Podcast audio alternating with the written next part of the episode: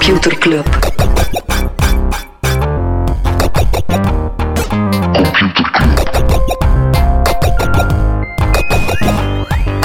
Computer Club. Hey Smolly, Hey Freddy. welkom, welkom terug. Welkom, welkom bij Computer Club, een wekelijkse podcast over technologie.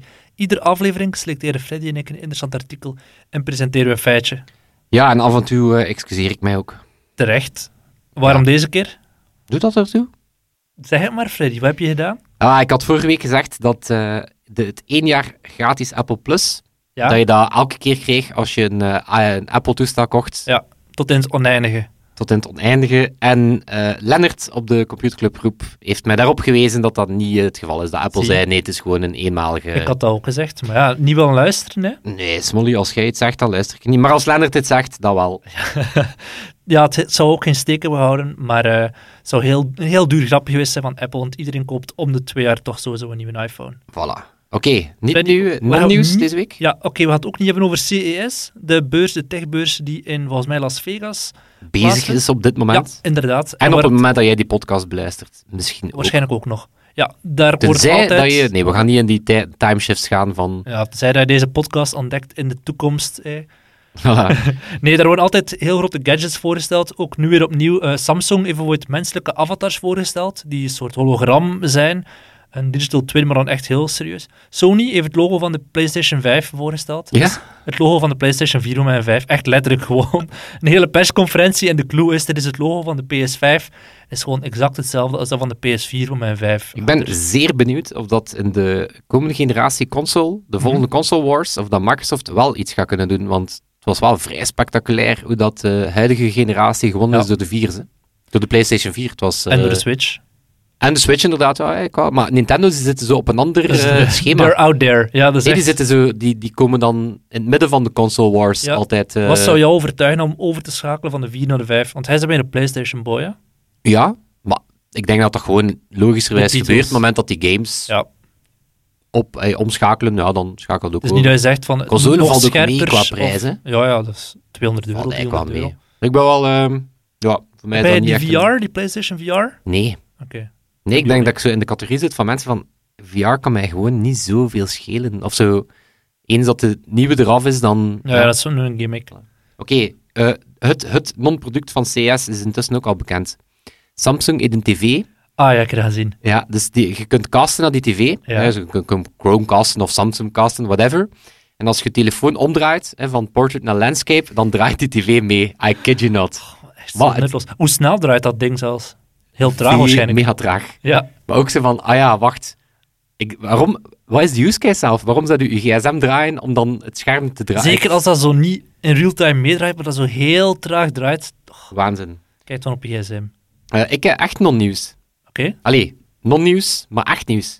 Er zijn twee belangrijke technologiewetten gestemd in Californië. Ah ja. De Consumer Privacy Act, Ja. wat een soort eh, GDPR is. Eh, je kan bijvoorbeeld vragen aan bedrijven dat, dat ze je data niet doorverkopen. Eh, ze mogen ze wel nog gebruiken voor locatietargeting, dus het gaat niet super Mhm. ver. Je kan ook geen opt-in doen, eh, het is enkel opt-out. Maar op zich wel betekenisvol. En een wet tegen de gig economy Wow. werk. Dus tegen Dat is de... wel heavy in California, de hometown van Silicon Valley. Ja, meer, ah, wel, dat, is, dat is ding, meer rechten voor, eh, voor ja, mensen, voor Uber-chauffeurs Ja. en Postmate-bezorgers. maar hier komt hij. Smolly, wat is de, wat is de gemeenschappelijke eh, ding tussen die twee wetten? Elizabeth Warren? Nee. Oh, nee, ik weet het niet. Ze zijn eh, bedoeld tegen de grote techbedrijven, maar ze treffen vooral kleinere bedrijven. GDPR bijvoorbeeld. Ja, ja, ja dat is... Ja. Is, ja, weet je, die grote bedrijven hebben toch lawyers en lawyers en die zijn toch al in orde. Kleine bedrijven hebben dat niet. Mhm. En die freelancer-wet bijvoorbeeld, die treft inderdaad gewoon kleine, kleine mediabedrijfjes, kleine winkels, die wel met freelancers werken, goed bedoeld. En die zijn nu de dupe van het feit dat Uber... Yep. Yep. Voilà. Oké. Andere non-nieuws. Facebook heeft een persbericht uitgestuurd waarin dat ze zeggen dat ze, geen, eh, dat ze wel voortaan gemanipuleerde video's gaan verwijderen. Dus van die, eh noem je dat nou weer? Fake Nee, niet fake Deepfakes. news. Deepfakes. Ik fake nieuws. Deepfakes. Ja, Maar eens af niet. Maar ik snap wel nog niet goed hoe dat ze precies gaan opsporen. Of als dat waarschijnlijk als mensen dat gaan rapporteren. Maar dat is weer helemaal voorbij het concept dat je een deepfake niet kan herkennen van een gewone video. Ja, maar weet je nog toen dat we daar zeiden dat de, ehm, een groep bij Facebook een manier had gevonden om via deepfakes jouw video zo te manipuleren dat hij niet opgepikt wordt door facial recognition. Mhm. Ja, dit is eigenlijk ook weer zo een... Misschien hebben ze op dit moment, op dit moment een manier gevonden dat ze heel makkelijk een deepfake kunnen herkennen. Ja, Het zal zo zijn. dat is te hopen. Dus Maar het is een stap in de goede richting. belachelijke asterix bij een, eh, bij een nieuwe richtlijn. Behalve als Als zij satire gepost is. wordt door een politieker. Is het echt? Ja. Ah ja, ook satire Basically, als Ja. Donald Trump weer vast fake, video's hè. van Clinton of zo wil verspreiden, dan mag hij, want Oh, dat blijft zo'n lame excuus. Ik snap Ja. het, hè, ja, bon, het is de, de luidste stem. Oeh, segway, segway. Eh, er is veel nieuws rond Iran. Mhm. Ehm, Ah, tja, wat is er gebeurd? ja, ja. Ehm, Trump heeft basically tegen het congres gezegd: Ah, wilt je updates over de Iran-situatie? Volg mij op Twitter. Is echt? Heeft letterlijk Oh gezegd God. tegen Congress: Ah, voor updates over Iran, volg mij op Twitter. Kom aan. En dan anderzijds, ehm, een eh, Iraanse hackersgroep, die hebben een, eh, een eh, website gehackt van een VS-overheidsagentschap. Mhm. Het agentschap voor bibliotheken. Ja, dus ze hebben er een, Oh. een foto opgezet van President Trump being punched in the face. Oh. Ja, maar arme, arme bibliotheekwebsite. Echt zo. Van Ja, we pakken alle ze. slachtoffers kiezen de bibliotheek. Ja. En nog een laatste Iran-feitje. Er is blijkbaar een soort ja, mobile game, Conflict of Nations, World War III. En die hebben, Oh, ehm, ehm, die hebben eh, wel advertenties opgezet die zegt ehm, Ja. Iran starting World War III, eh, simulate a scenario. Dus die zijn compleet ja, ja, kapot gemaakt op App sociale media van ja. compleet smaakloos. Allee, zo echt zo top topical, you're doing it wrong. Ja. Eh, Oké, nog een laatste. no- niet hebben over Mercedes-Benz en James Cameron, de regisseur van Titanic, maar vooral van Avatar. Die hebben samen een Avatar-conceptwagen gemaakt. Je weet nog, Avatar, die grote blauwe smurfen, maar dan een auto van Mercedes-Benz die er super futuristisch uitziet. Oké, zoals dat je nu omschrijft, dat klinkt dan als, dat wordt dan zo de, de Mercedes Fiat Multipla. Ja, Zo'n gigantische Ja. grote blauwe auto of zo. nee, nee, het ziet er echt wel vet uit. Een maar het is gewoon, die Avatar-films, tien jaar geleden is die, was die eerste uitgekomen. Dan hebben ze tien jaar gewacht. En nu komt er 2021, 23 en 25, deel 2, 3 en 4 uit. Maar nobody cares. Maar nu zijn ze dus wel terug die marketingmachine dat nog altijd met het logo van Papyrus zijn? Nee, nee, het is Ja, anders. eh. ze hebben hem ook al op Disney Plus aangepast naar een ander logo. Ja. Heel subtiel. Ik heb nog een laatste non-nieuws. Oké. veel non-nieuws. Eh, in eh, Texas is er een man gearresteerd eh, voor de moord op zijn zus. Dat gebeurt wel vaker in Texas. Wat daar eh, wat kan. Eh, maar wat is er speciaal aan? Ik heb geen idee. We zijn de meest, het, grootste bewijslast komt van een slimme deurbal. Eigenlijk Ah. is hij een, een buur had gezien dat hij bebloed uit het huis kwam, terwijl hij zei, I killed Jennifer. En toen hebben ze die footage opgevraagd. Ja, en dan effectief- vraag je er ook wel voor. Hè. Ja, het is eh, niet zo slim als je een uh, filmende deurbal hebt. Het is ook niet zo slim om je zus te vermoorden, laten we En dat eerlijk zijn. keer te roepen naar de buurman. Inderdaad. Tenzij dat je super open buurt hebt, zo, hey, I killed Jennifer. Eh, maar dus die slimme deurbals hebben In die case I don't see you anymore, good en- morning, good afternoon and good night. Voilà. Killed Jennifer. Oké. Oké, kunnen we eindelijk het non-nieuws stoppen? Ja. Zegt de man die zes non-nieuws-items eh hier een op instellen. Hè. Ja, Nee, het echte nieuws. Ik heb een stuk gelezen in Wired, eigenlijk niet zo'n heel lang stuk, dat kort terugblikt op het voorbije decennium. En de clue van dat verhaal is, kijk, we hebben twee mythes gehad over sociale media. In het begin van het decennium zijn we veel te positief geweest over sociale media. Weet nog, de Arabische lente, en wij dachten Twitter en zo, die hebben heel die revoluties hier gedragen en groot gemaakt. Maar uiteindelijk, als je daar in hindsight op terugkijkt, dan merk je, zoveel mensen hadden geen Twitter in die, in die, in revolutie. Er was evenveel eh, impact van tekstmessages en andere kanalen, tv en zo. Dat is gewoon omdat wij met onze westerse bril er naartoe keken en wij volgden Ja, het, zegt misschien meer, het zegt misschien meer over hoe belangrijk dat wij Twitter... Ja, ja, ja. ja wij hebben dat, vonden wij hebben dat de, en- de Twitter-revolutie en zo genoemd, maar uiteindelijk, in die eind, als je daar nuchter naartoe kijkt, was die rol van, van sociale media niet zo heel groot. Ik in denk die- inderdaad ook niet dat ze op het, het, Tahrirplein zeiden ja, de Twitter-revolutie. nee, het is dat. De, We're doing this for the Twitters! Nee, dat was sms en zo hadden een even grote impact. Maar anderzijds, het stuk van Wired zegt, aan het einde van het decennium hebben we een te grote negatieve rol aan de sociale media gegeven. Zijn er met Trump en Brexit en, en al die, die verkiezingen en zo, die zogezegd beïnvloed zouden zijn, puur door sociale media. Wired zegt, nee kijk, het klimaat was er sowieso al naar. Sociale media hebben dat wel geamplified. Maar eh, Facebook, Twitter en zo, die zijn niet ontworpen om ons vertrouwen in de wetenschap te ondergraven of om racistische indoctrinatie te versterken. Dat bleek gewoon de beste manier om dat doel te bereiken. En dan gaan ze nog verder op in voor Marshall McLuhan, die zegt, kijk ja, technologie die is niet per se neutraal, maar die kan dat wel ook gaan ver- vergroten. Ehm, en ze zeggen bijvoorbeeld ook, rechtse propaganda, die wil niet op korte termijn... Een doel van rechtse propaganda is niet, we gaan de volgende verkiezing winnen. Die willen gewoon vooral op lange termijn het, ons denkkader verschuiven naar rechts. Die willen dat de maatschappij verrechts. Ik heb heel goed een ander artikel erover gelezen, ik heb het ook gedeeld op Twitter, over de Prager University ehm, op YouTube. Ken je dat kanaal? Nee. Ik, ken, ik kende dat Ja, ook maar ik heb het zien passeren. Ja, Ja, dat is een stuk in New York Times, super lang, fantastisch stuk. De Prager University is een conservatieve denktank, als we dat zo kunnen omschrijven, ook, ook zeker rechts, die YouTube-video's maakt die er op het eerste zicht heel neutraal en objectief uitzien. Maar ja, als je gaat kijken waar dat ze precies over gaan, is dat redelijk conservatief en rechts de standpunten dat ze willen uitdragen. Er werd 50 man fulltime op, die video's zijn dan meer dan een miljard keer bekeken. Dat is echt gewoon puur gefinancierd door conservatieve Amerikanen die zeggen van we willen de wereld conservatiever en rechtser maken door van die indoctrinatie die er eigenlijk niet eens zo subjectief Oeh, uitziet. Dus als ik, het goed, als ik het goed begrijp, dan dachten we in het begin, en ik, pas op, ik ben er ook schuldig aan, dan dachten we, ja, die sociale media, dat gaat hier fantastisch zijn om, Ja. om grassroots change, Mhm. hè, de Barack Obama campaign, het gaat hier fantastisch zijn om, om progressieve verandering te, Mhm. teweeg te brengen. En op het einde van het decennium hebben we gemerkt van nee, het is eigenlijk gewoon één lange, slopende manier geweest om mensen gewoon fucking nee. gepolariseerd te krijgen of zo. Dat ook. En ik, wat dat ik vooral denk is, het zijn vooral de rechtse mensen en de conservatieve mensen die hebben ingezien wat dat de echte macht is van die sociale media en die dat zijn bewust zo gaan gebruiken en er heel veel geld hebben ingestopt en dat de linkse mensen te verdeeld waren om ook zo, er is geen Prager University waar er 50 man fulltime werkt, gefinancierd door linkse mensen die zeggen we willen het- ja, het, het- het debat naar links opschuiven. Het zijn vooral rechtse mensen, de Vlaams Belang, N-VA, Dries van Langenhoven, die op tijd hebben ingezien wat dat de macht daarvan is.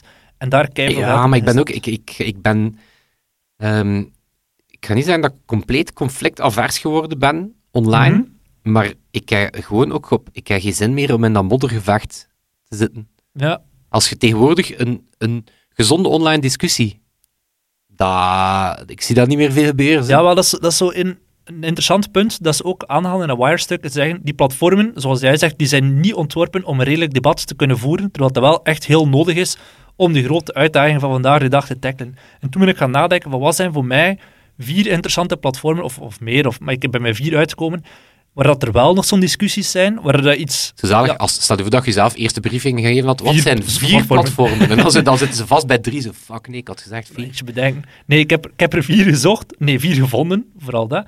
En dan nagedacht van, waarom lukt het daar wel en niet op Oké, nu de ben ik wel benieuwd. commentaarsector? Nu ben ik van, wel eh, benieuwd. De correspondent, dat is heel een insteek is, je schrijft een stuk en daaronder komt er een debatsectie, een commentaarsectie, zoals dat bij HLN en zo ook hebt. En daar lukt het wel. Waarom kan je daar wel een beschaafde discussie hebben? Ik heb het gevoel, of je hebt als, als contributor, als mensen in debat, heb je het gevoel, er wordt effectief naar mij geluisterd. Er gebeurt iets met de input van wat ik hier schrijf. Bij HLN heb je het gevoel, mensen zijn zich gewoon aan het afreageren en er wordt nadien ook niet, die data wordt niet gecapteerd, die reacties die gaan gewoon verloren in het internet. Ja. Het is niet dat de journalist nadien zegt, ik ga nu op basis van die reacties nog een nieuw stuk schrijven. Terwijl bij de correspondent is dat wel de Ah, en hey, omdat ik weet dat, dat bijvoorbeeld die mannen van de New York Times, Ja?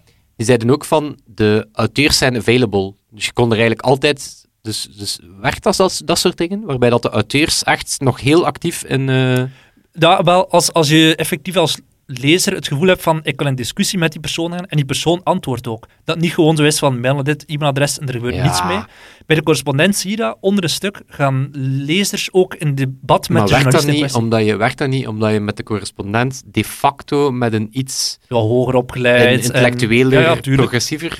Ja, maar ik denk zit, dat omdat, ook bij... moet, moet echt keer. Ik, ik, ik kom er niet meer. Ik, ik, ik kom niet meer in de comment-secties van een Facebook-artikel. Mhm. Maar je moet echt eens naar het gemiddeld VRT-nieuwsartikel gaan. En dat gaat dan letterlijk over iets eh, wolf gesignaleerd in, eh, in de campen. Ik weet Ja. ik niet. Weet En je wat er ook gesignaleerd is ja, nee, maar voordat je het weet, eh, moeten vluchtelingen in brand gestoken worden enzovoort. Maar dat is, dat is Ja, hopeloos van te Maar worden. anderzijds denk ik, er zijn heel veel mensen die wel relevante commentaren daarop zouden kunnen zetten, boswachters of whatever, maar die worden afgeschrikt omdat ze alleen maar die beerput zien. Terwijl ik denk, als de VRT nu onder zo'n stuk over de wolf zou zeggen, heeft u daar ook ervaring mee? En boswachters reageren en ze gaan die mensen dan effectief een podium geven nadien in een vervolgstuk. Ja, maar dan moet je het inderdaad cureren. En dan Ja, moet je zeggen, ja, kijk, dan moeten we eh, werken- we willen werk nu van meningen. Oké, nog, me- nog, nog platformen? Eh, ja, onze eigen Facebook. ja, we hebben door de, al dat non-nieuws eh, weer door de tijd aan het blazen. Ja, nee, nee, onze eigen Facebookgroep. En dat is dan weer dat, dat punt van bij de correspondent. Je zit met gelijkgestemden. Je zit niet in een moddergevecht tussen links en rechts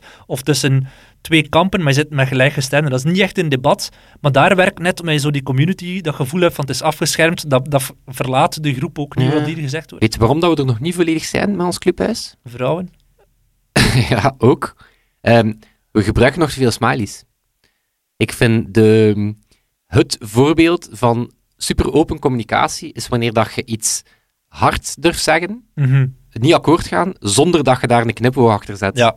Of een lachend gezichtje. Omdat dat ene maakt het dan weer zo... Allee ja. Snap je? En, en, snap je wat ik bedoel? Ja, ja, Als je zo echt debatteert, dan... dan Ja. ja. je wikt je woorden, maar je gaat die niet ondergraven door er dan een, een, een lachende smile achter te zetten. En ze zegt, nee, ja, niet akkoord. Ja. Dus oké, minder smileys. Oké. Proberen smileys in te houden. Derde, Reddit. En daar, wat dat daar voor mij vooral werkt, is het systeem van upvotes en downvotes. Dus daar wordt er, de, de moderatie die wordt gewoon overgeleverd aan de gebruikers zelf. Die Ja, zeggen, maar er zijn ook, er zijn ook, eh, relevant. er zijn ook community moderators, hè. Die, Ja, pakken, ja, dat, die pakken dat En blijkbaar super serieus. Er wordt ook heel veel automatisch gefilterd. Als je op basis, als je iets wil posten en ze merken al vanzelf, dit hoort niet thuis in deze groep, wordt dat gewoon geblokkeerd vanaf het begin al. Ja, maar ik, er bestaan ook groepen die leren hoe dat je de automatische blokkering kan, eh, kan Ja, omzeilen. ja, nee. Die Maar ja, wat dat, het belangrijkste is dat up- en downvoten. Ja, het zal wel. En het vierde is Citizen Lab. Belgische, ik denk dat we het geen start-up meer kunnen noemen, hè, dat is al een scale-up, die effectief burgers inspraak heeft in het beleid van de gemeente. Dus die werken samen met gemeente Gent en die zetten dan een platform op. En dan wordt er voor het gevraagd, eh, waar moet er een parkje komen?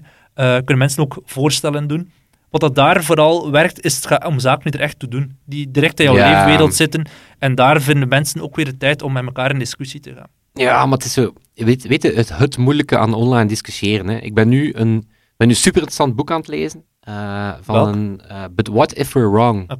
Een collectie van essays van een schrijver en die neemt eigenlijk als premisse wat als heel veel van wat we vandaag denken niet blijkt te kloppen. Die zegt, ja, eigenlijk doorheen heel de geschiedenis ja, dachten we dat de wereld plat was, Mhm. dachten we dat we de fysica snapten. Ja. Eh, we weten op dit moment zelf niet hoe dat zwaartekracht echt werkt.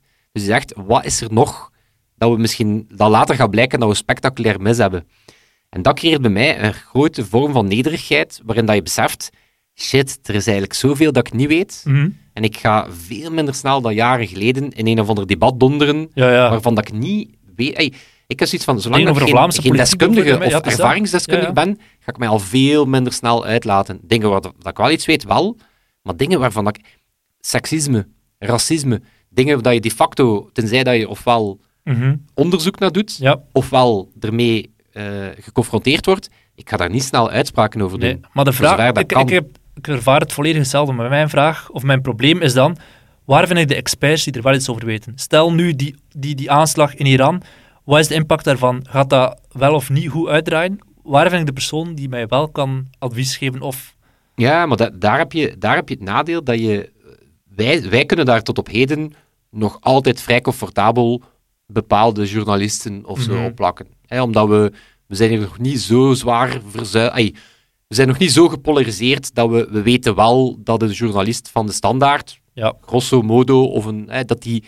eh, maar in de VS is dat vertrouwen in media compleet weg. of Zelf we al zegt de New York Times of de. Washington. Post, zegt, kijk, dit is de facto eh, eh, corruptie. ja. Dan, dan nog gaat er een heel groot stuk van het publiek zeggen, oh Fake ja, news. ah, jij Ja. zit in de linkse, linkse Ja. zak eh, van... ehm Soros.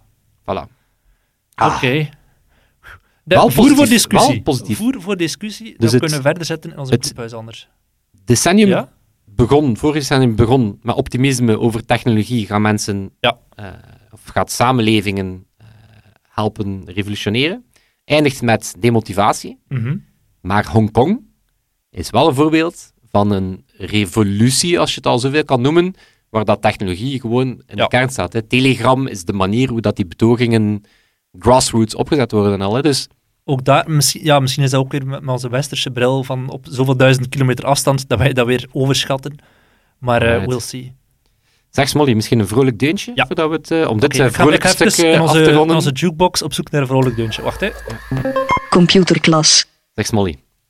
Eh, we hebben het af en toe over autonome wagens. Hè? Mhm. Zelfrijdende wagens. Ik heb het ooit al gehad over zelfrijdend meubilair. Weet je dat nog? Ja, ja, ja. ja. Ja, dus een kamer die zichzelf opruimt door het feit dat je meubels autonoom zijn. Ehm, wat is er nu ook, ook autonoom geworden? Zelfrijdende nee, eh, mensen. Ja. Eh, dieren. Het Amerikaanse leger is bezig met autonome F-16's. Wat? Ja, dat noemt dronification, Damn. waarbij dat ze het eh, volledige vliegtuig, dat zijn vlie- vliegtuigen uit de jaren 70, uit de jaren 80, dus ze, ze maken die volledig eh, computergestuurd. Maar hier komt ja, je hij. hebt zo de autopilot. Oké, maar wat is dan wat is next step? Er zit echt helemaal geen mens meer. Nee, er zit geen mens in, die wordt volledig van op afstand bestuurd en je raadt nooit de use case. Geen idee, ja. Eh, het, wordt gebruikt, toch niet aan. ja, het wordt gebruikt door de Weapons Evaluation Group. Ze gebruiken die, ehm, die toestellen ongeveer Mhm. 32 stuks per test om eh, nieuwe raketten te testen die ze willen kopen. Dus op het moment dat het Amerikaanse leger gaat gaan shoppen en zegt, oké, ja, welke raketten moeten we hebben? Dan zeggen ze, oké, laten we even kijken hoe goed dat die zijn. Dus dan sturen ze letterlijk een autonome F-16 het luchtruim in, de knallen ze die neer. Voilà. En dat kost, I kid you not, 2 miljoen dollar per stuk om die uit te rusten. Hè? Dat is een peulenschil van het Amerikaanse leger, maar toch. Dat Ja, dan nog. gestoord. Dus, dus gepakt, In geïnvesteerd plaats van zo te 2 gaan miljoen kleiduif schieten, schiet je met S-16's. F-16 uit de lucht gegooid. Shit. Ehm, Maar... Ja, inderdaad, dan anders moet je altijd een piloot eh, opofferen ervoor. Johnny, het is aan jou. Nee, Johnny, je het strootje raketten te. Ehm, maar in de toekomst zullen ze wel degelijk gebruikt worden als autonome straaljagers. Dus effectief om Ja, ja. naast echte piloten En als eh, drones. en naast drones. Ja, dus als je denkt dat zo'n autonome drone dangerous is, wacht maar tot dat achtervolgd wordt door een autonome F-16. Ehm, maar dit is, wel een maar een keer coole, weg te lopen. dit is wel een coole, eh, het project om die vliegtuigen ook effectief eh, te, in te zetten in oorlog, noemt Project Skyborg. Wauw. Cool, hè? Oké. Mag ik nog één om dan af te ronden? Ja. Een van mijn favoriete woorden uit de Nederlandse taal. Een straaljager. Kom aan, superkracht, hè? Ja, ja. straaljager. Die jaagt op straal. Ik ben eh, op zoek geweest, etymologisch, wat betekent dat? Mega saai verklaring. Ja, hij jaagt sneller dan, dan zonlicht. Het is een jachtvliegtuig met straalmotor. Oh. Belach- belachelijk, hè? Echt, hij jaagt niet eens. Nee? Allee. Dat is toch... hey, Heel de... Ja, nee. Ja, fuck, kijk, ik heb het gevoel dat ik mijn goede weetje nu volledig...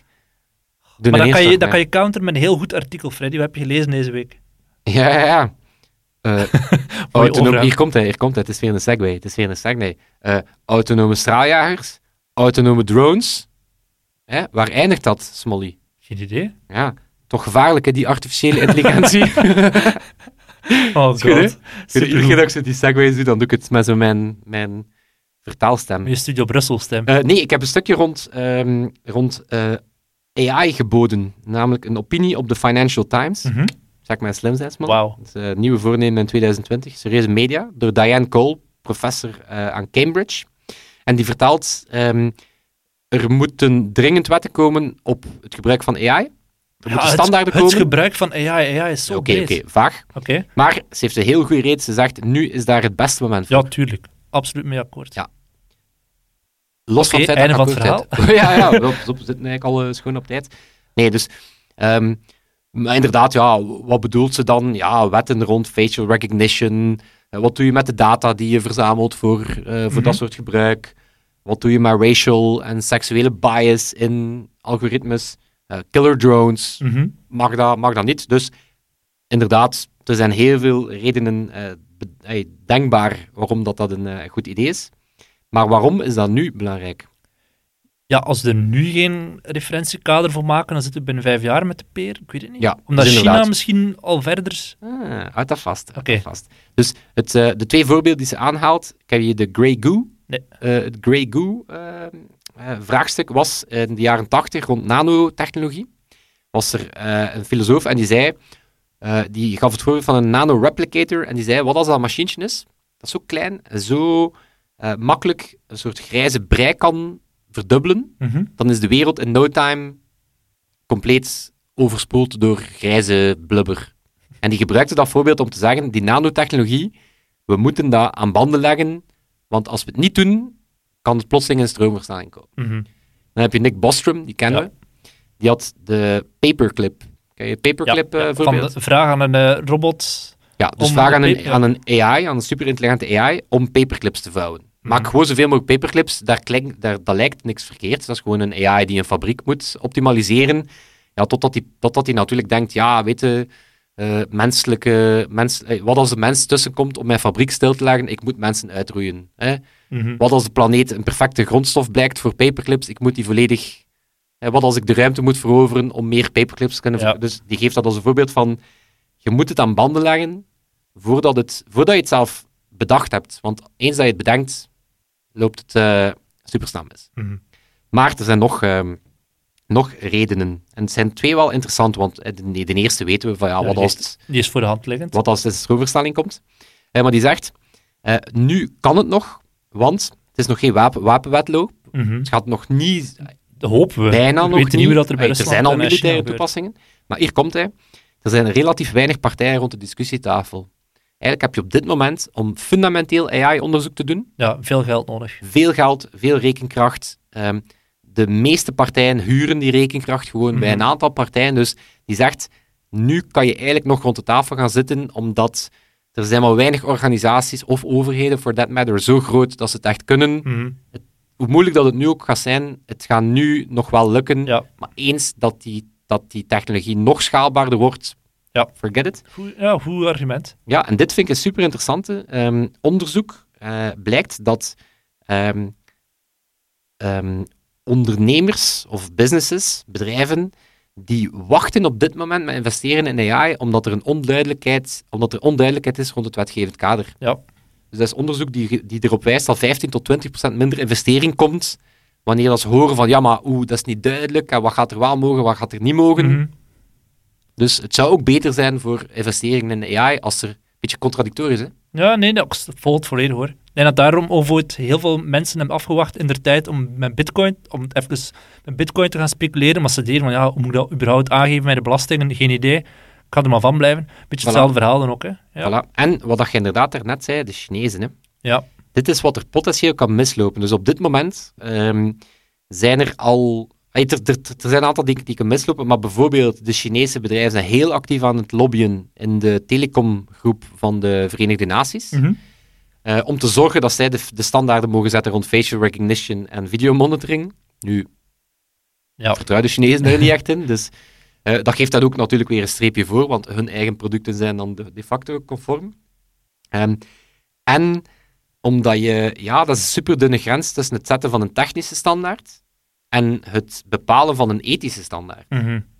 En wil je dat een technische standaard ook ethische standaarden bepaalt, en wil je dat de Chinezen mee kunnen denken, Hey, het is, dus- het is een... ja, ja. je- Zeker omdat internet stopt niet aan de landsgrenzen. Bij, bijvoorbeeld bij een andere ethische kwestie, zoals euthanasie of abortus, zou je zeggen, ja, wij, wij land doen per bij België land. ons ding, Ja, maar hier is dat, ja, als, als je... Wij gebruiken ook TikTok. Voilà, en, en in, in principe kan je zeggen, ja, wij kopen geen Chinese technologie, Mhm. omdat die bepaalde eh, boundaries voor ons overtreedt, ja, dan, dan nog bestaat ze. Ja, ja. Dus het is, het is zeer maf, omdat je hebt enerzijds partijen die zeggen, ja, een technische standaard, zonder ook een uitspraak te doen over welke use cases wel en niet mogen, is, eh, ja, is een, een, een, een pleister op de wonden. Mhm. En anderzijds zijn er die zeggen, ja, nee, je wil net niet dat we dat technische dingen ook, ook ethisch, Ja. dat er plotseling eh techbedrijven ook ethisch beginnen eh, meedenken. Dus, Mhm. Voilà. De, Cool. Ik heb trouwens vorige week een, eh, mijn AI-brevet gehaald. Ja, Hoeveel meter? Eh, veel. nee, de Universiteit van Helsinki, die zijn eh, mega goed op vlak van AI en, en machine learning en zo. Die hebben heel een cursus, of toch een, de intro ervan, online gesmeten voor iedereen. Dat heet Elements of AI, moet je echt opzoeken. Ik heb er zes of zeven uur aan gezeten of zo. Het is een super mooie vormgegeven website, introductie tot AI. Ehm, als je Fin-student bent, kun je er zelfs credits voor krijgen. Dus zo, dan moet je minder schoolexamens doen en zo. Nice. Ik vind het super cool. Hij was max. inderdaad al in de computerclubgroep ook eens gepasseerd. Ja, en ik heb dus mijn brevet nu gehaald. Dus eh, zes of zeven uur heb ik eraan gezeten, maar eh, heel tof. Ik weet niet, misschien dat Sebastiaan hier zo wat applaus voor Smolly kan, eh kan Onze onderzetten. data scientist mogen hem niet vergeten vermelden. Hij zat vandaag in de podcast van De Standaard, DS Audio, waar dat hij vertelt over de link tussen muziek en artificiële intelligentie. Ja, even onze amigo op het podium zetten, ook letterlijk, want hij stond recent op het podium. Eh, Sebastiaan, eh, machine learning engineer, hier bij ons bij de Pocket. Ja. Eh, tevens muzikant. is eigenlijk zijn artiestenbestaan voor een stukje opgegeven om, om met machine learning bezig te zijn. En die heeft voor een conferentie die we doen, Shift, Ja. had hij ehm, eigenlijk een algoritme gebruikt van Google om met melodieën te ja. komen. En die hij dan met zijn synth op een heel coole manier mee aan de slag ging. Hij heeft daar een supercoole talk over gedaan van hoe dat eh, mens en machine Samen eigenlijk samen kunnen maken. werken Ja. aan muziek. Eh, heel interessant vraagstuk natuurlijk, hè, van wat is creativiteit? Wat als die machines ook zelf ehm, met een bepaalde sound afkomen? Want Ja. op dit moment herhalen ze vooral dingen. Ja, maar je wordt er wel door geïnspireerd om dan weer nieuwe muziek te maken. Het is zo'n wisselwerking tussen mens en machine.